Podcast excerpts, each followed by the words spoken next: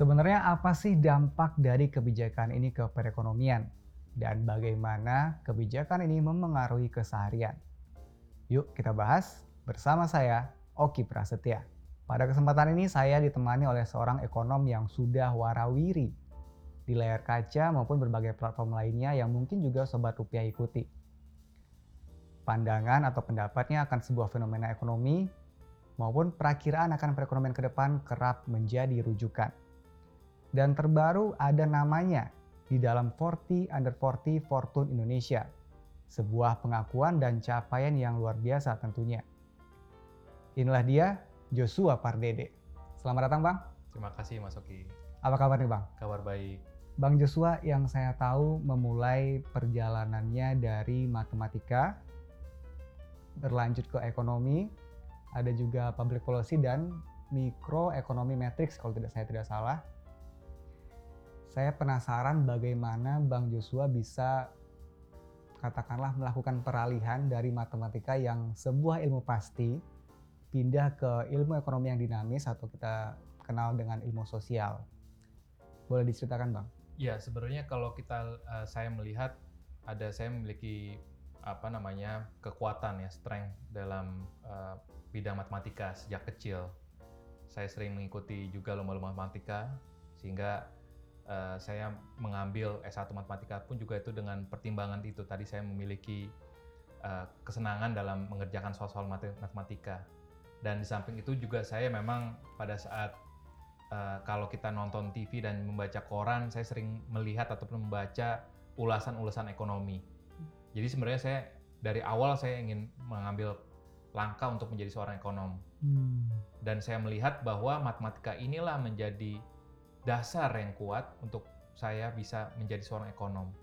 Karena tentunya yang saya lihat juga adalah seorang ekonom itu juga perlu memiliki uh, knowledge ataupun quantitative skill agar dia dapat bisa memproyeksikan uh, indikator-indikator ekonominya dengan lebih baik lagi.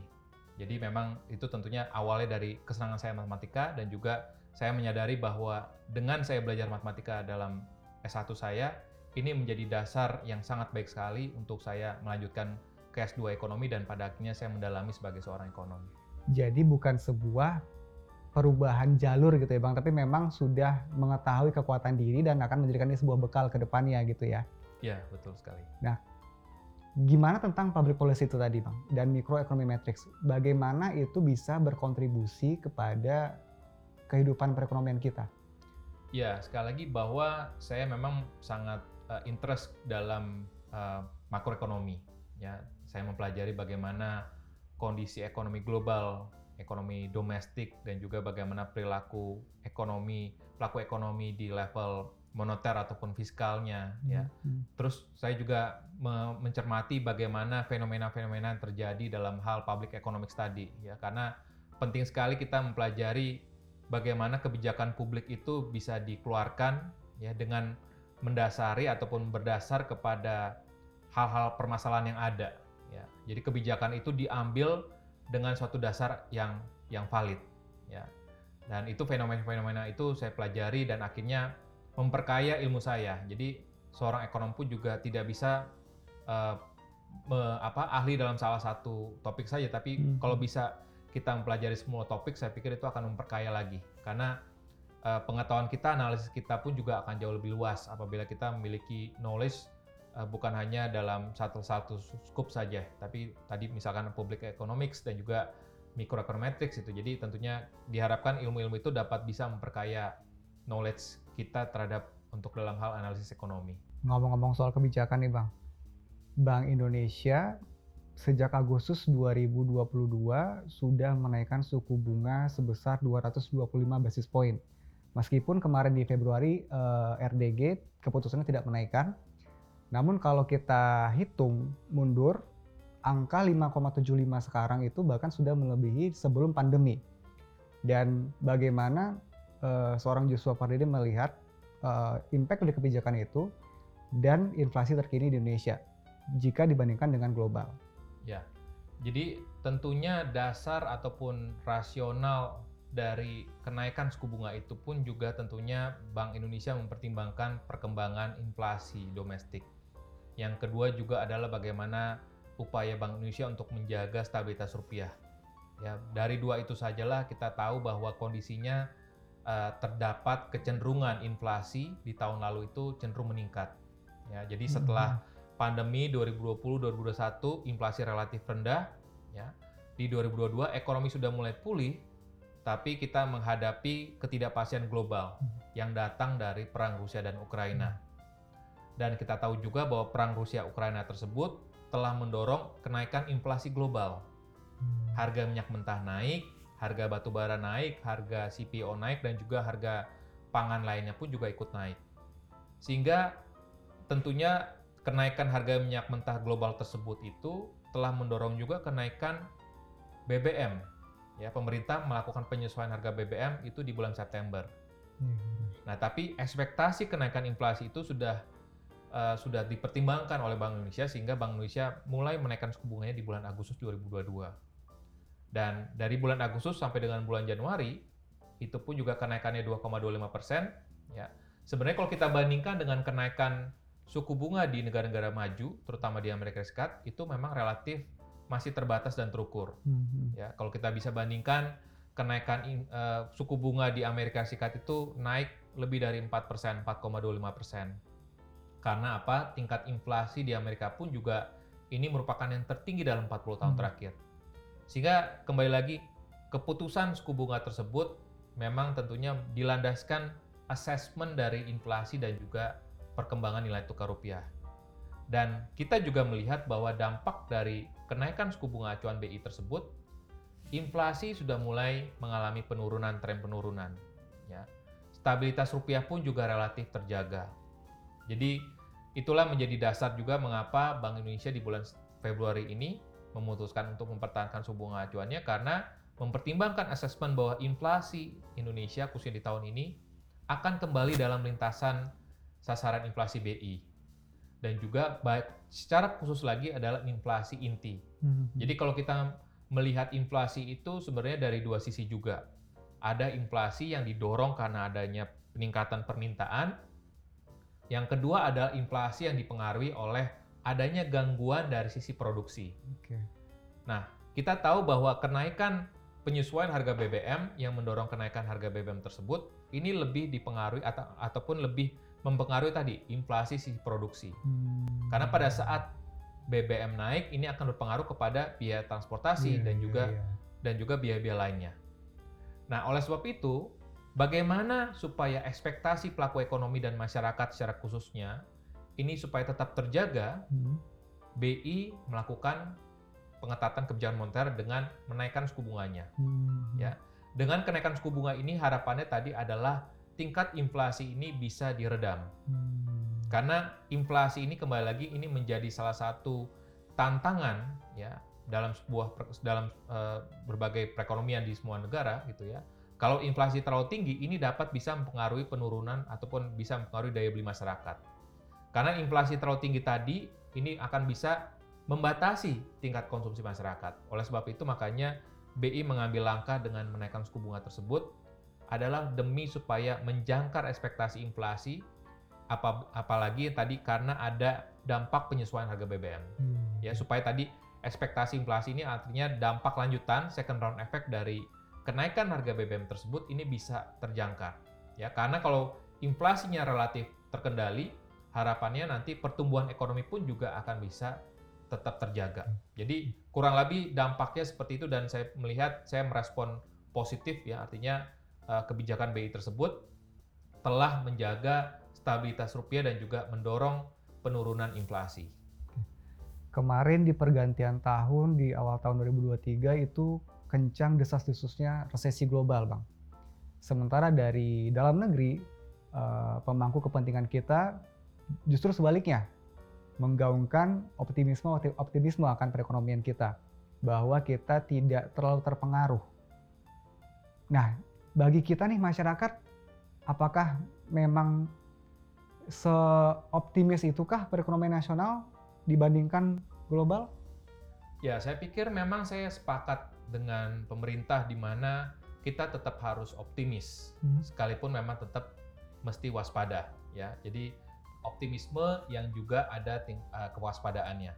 Karena kita tahu bahwa ekonomi global yang memang tadi dipengaruhi oleh kenaikan suku bunga bank sentral global tersebut ini bisa mempengaruhi tadi kinerja perekonomiannya ya karena pada umumnya kenaikan suku bunga itu akan tadi membatasi konsumsi masyarakat dan juga akan bisa mendorong penurunan investasi ya Hmm. karena cost of borrowing akan cenderung meningkat. Iya. Dan ini yang dikhawatirkan bahwa suku bunga di Amerika naik, suku bunga di Inggris naik, suku bunga di Eropa naik dan juga berbagai negara trennya meningkat suku Hmm. bunganya dan naik sangat signifikan. Hmm. Sehingga ini dikhawatirkan tadi akan bisa mendorong perlambatan ekonomi yang sangat signifikan. Nah, tapi kita percaya bahwa struktur ekonomi kita ini sangat ditopang oleh konsumsi masyarakat.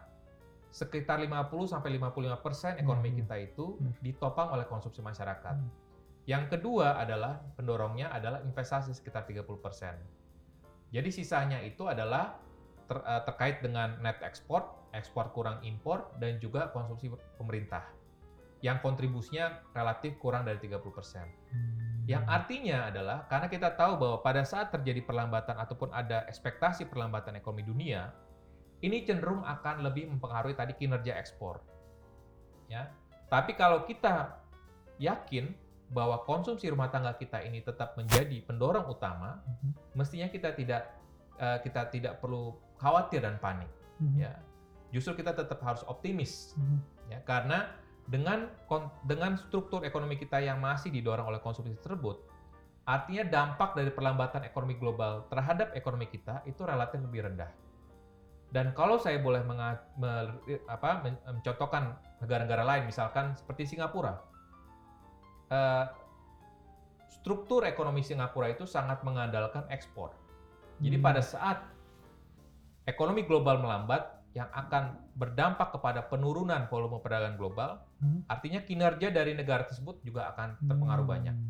Tapi kita masih bisa tetap akan tumbuh positif di tahun ini karena tadi kita memiliki konsumsi rumah tangga yang diharapkan pun juga akan tetap tumbuh solid.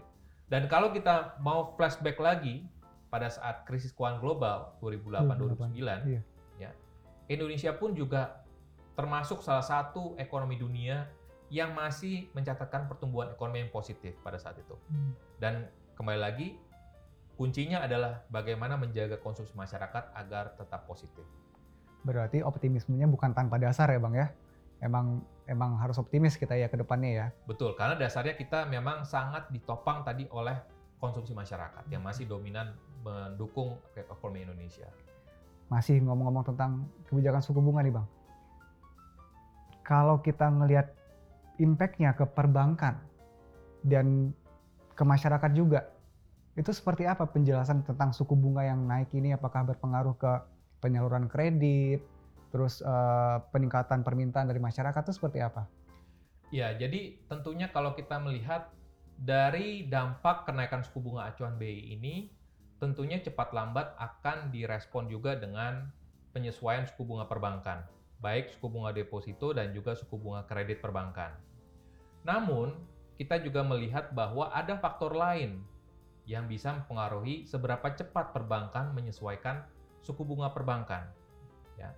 Antara lain misalkan salah satu faktornya adalah bagaimana kondisi likuiditas perbankan itu sendiri. Hmm. Dan kita meyakini bahwa likuiditas perbankan sejauh ini masih relatif longgar. Kalau kita mengacu kepada alat liquid terhadap DPK, ya, alat liquid terhadap non-core deposit rasionya, ini masih di atas eh, ambang ataupun masih di atas thresholdnya. Hmm. Artinya kondisi likuiditas perbankan masih relatif longgar. Yang kedua adalah bagaimana persepsi risiko perbankan terhadap kondisi eh, kredit ataupun kondisi ekonomi. Yang kita melihat bahwa tingkat rasio kredit macet ataupun NPL pun juga masih relatif rendah di bawah 3%. Sehingga oleh sebab itu, kalau kita mengikuti perkembangan suku bunga perbankan, sekalipun ada kenaikan, Hmm. kenaikannya relatif terbatas. Dan kami memproyeksikan bahwa kenaikan suku bunga perbankan tersebut diperkirakan akan relatif lebih rendah dibandingkan dengan kenaikan suku bunga acuan BI. Hmm. Karena tadi kondisinya adalah likuiditasnya Hmm. masih relatif longgar dan juga risiko kreditnya masih terkendali. Dan kalau mungkin kita eh, ingin saya sampaikan juga bahwa kenaikan suku bunga acuan BI ini tadi kan akan direspon juga dengan kenaikan suku bunga kredit perbankan. Hmm. Tapi yang perlu kita pahami mungkin ada sebagian masyarakat cukup was-was ya pada Iya, saat betul. kenaikan suku bunga BI ini khawatirnya bisa mempengaruhi suku bunga KPR yang sudah Iya, diambil. Heeh, Ya. betul. Dan ini yang perlu kita cermati bahwa tidak semuanya ataupun tidak sepenuhnya itu betul. Hmm.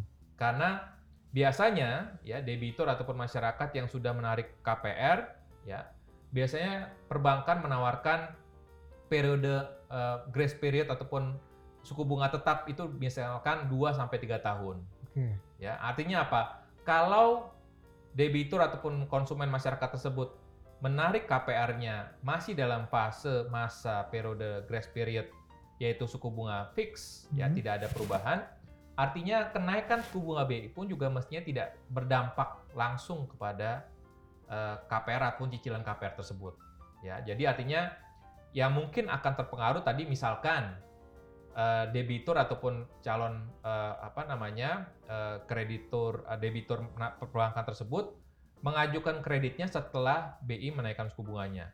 Ya, Hmm. itu kemungkinan ada penyesuaian suku bunga di sana. Tapi yang tadi kami sampaikan juga bahwa kenaikannya mungkin tidak sebesar kenaikan suku bunga BI. nggak signifikan Ya, ya, jadi tidak signifikan. Jadi ini yang harus kita pahami semua bahwa tidak semua masyarakat yang sudah memiliki fasilitas kredit Hmm. ini akan terpengaruh akibat kenaikan Hmm. suku bunga BI. Karena biasanya pada saat nanti masa periode grace periodnya sudah selesai, Hmm. sangat dimungkinkan apabila pada saat itu ya ke depannya BI pun juga melakukan penyesuaian Hmm. suku bunga dengan memangkas suku bunganya.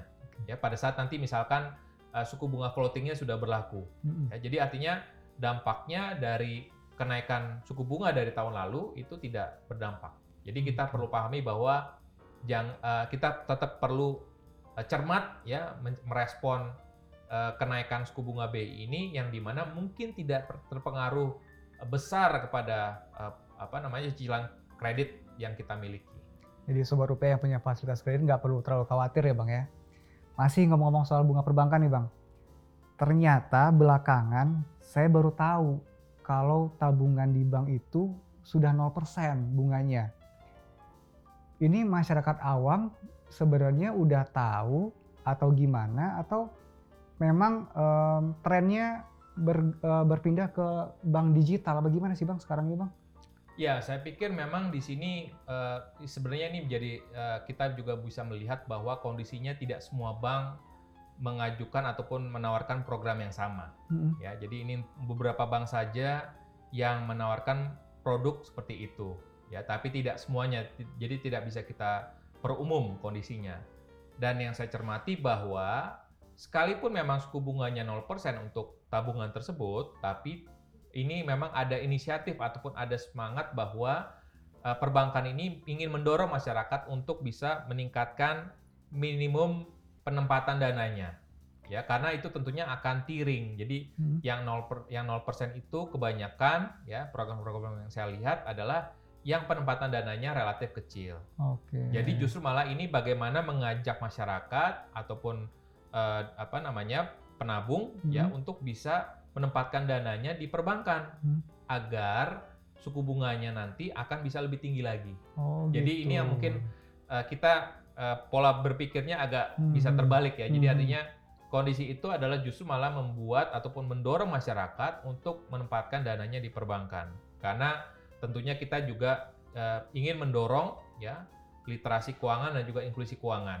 Karena Hmm. banyak sekali eh, apa namanya beberapa ataupun kelompok masyarakat yang masih dikategorikan unbankable ya yang di mana literasinya pun juga masih kurang sehingga bagaimana kita mendorong mereka untuk eh, menempatkan dananya di perbankan karena tentunya lebih aman Iya. ya dan kita pun juga tetap mendapatkan manfaatnya ya tapi dengan eh, kondisi atau return yang juga tentunya sesuai dengan Oke. eh, kondisi yang ada. Jadi saya melihat bahwa ini tidak eh, tidak bisa kita perumum tapi kondisinya tentunya dari sisi tadi dampak kepada kenaikan suku bunga BI Mhm. ya tentunya ini sudah berdampak sebenarnya kepada suku bunga eh, kredit khususnya dana pihak ketiganya ya Hmm. jadi tentunya eh, apa namanya eh, tren yang umumnya adalah memang suku bunga perbankan tadi kenaikan suku bunga eh, merespon kenaikan suku bunga BI-nya ini juga kita sudah melihat mulai lihat adalah kenaikan suku bunga deposito dan juga suku bunga kreditnya. Tapi Hmm, tadi oke. kenaikannya relatif lebih rendah daripada kenaikan suku bunga Bank Indonesia-nya karena tadi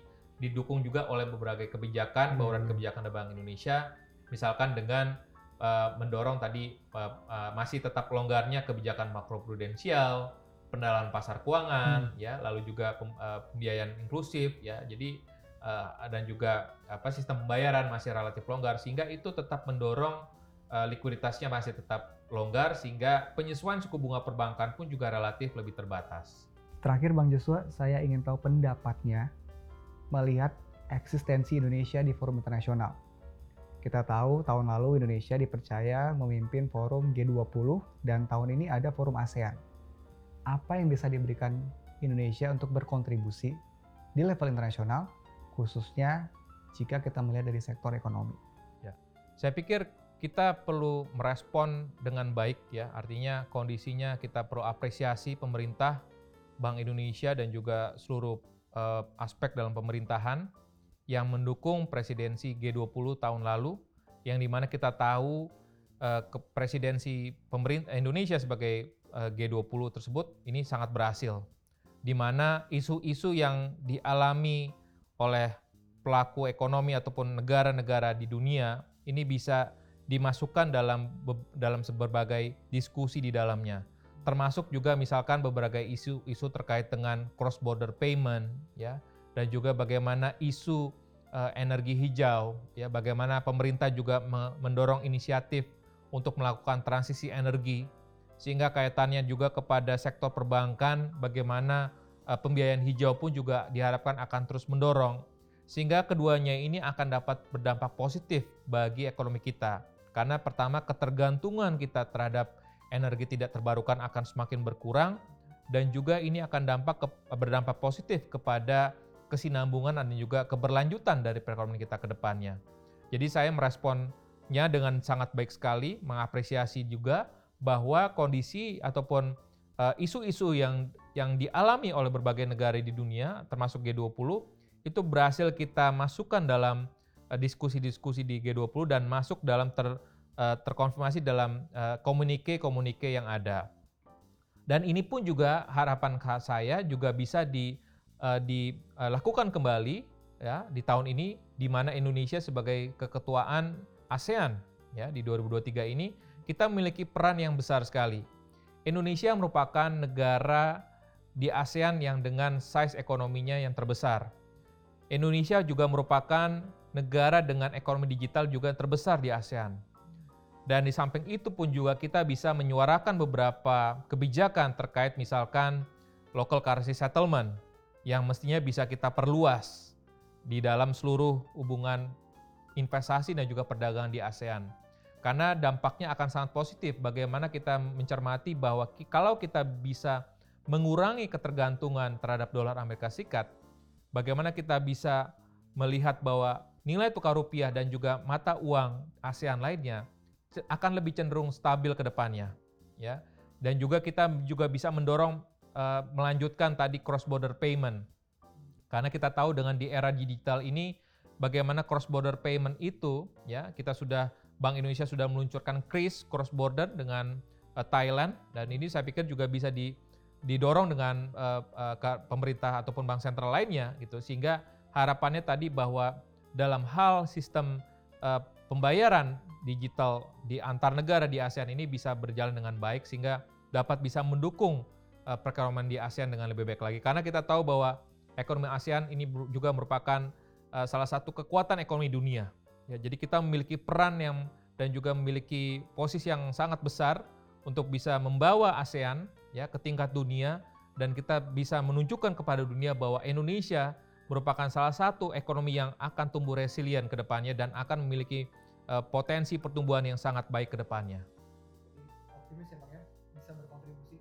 Ya, tetap kita harus tetap optimis karena kita memiliki memiliki potensi ekonomi yang besar, sumber daya manusia yang juga potensi besar sehingga kita tetap harus optimis terhadap ekonomi kita sendiri. Nah, Sobat Rupiah tentu juga bisa berkontribusi. Nah, berarti kita tetap harus optimis ya Bang ya? Betul Mas Hoki, tetap optimis. Nah, Sobat Rupiah juga bisa ikut berkontribusi layaknya keketuaan Indonesia di forum internasional. Mari mulai dengan tetap optimis dan memberikan yang terbaik di setiap kegiatan ataupun aktivitas apa pun itu tentunya. Dan jangan lupa tetap waspada terhadap risiko agar kita siap menghadapi kemungkinan yang tidak kita inginkan. Saya Kipra Setia, pamit. Sampai jumpa.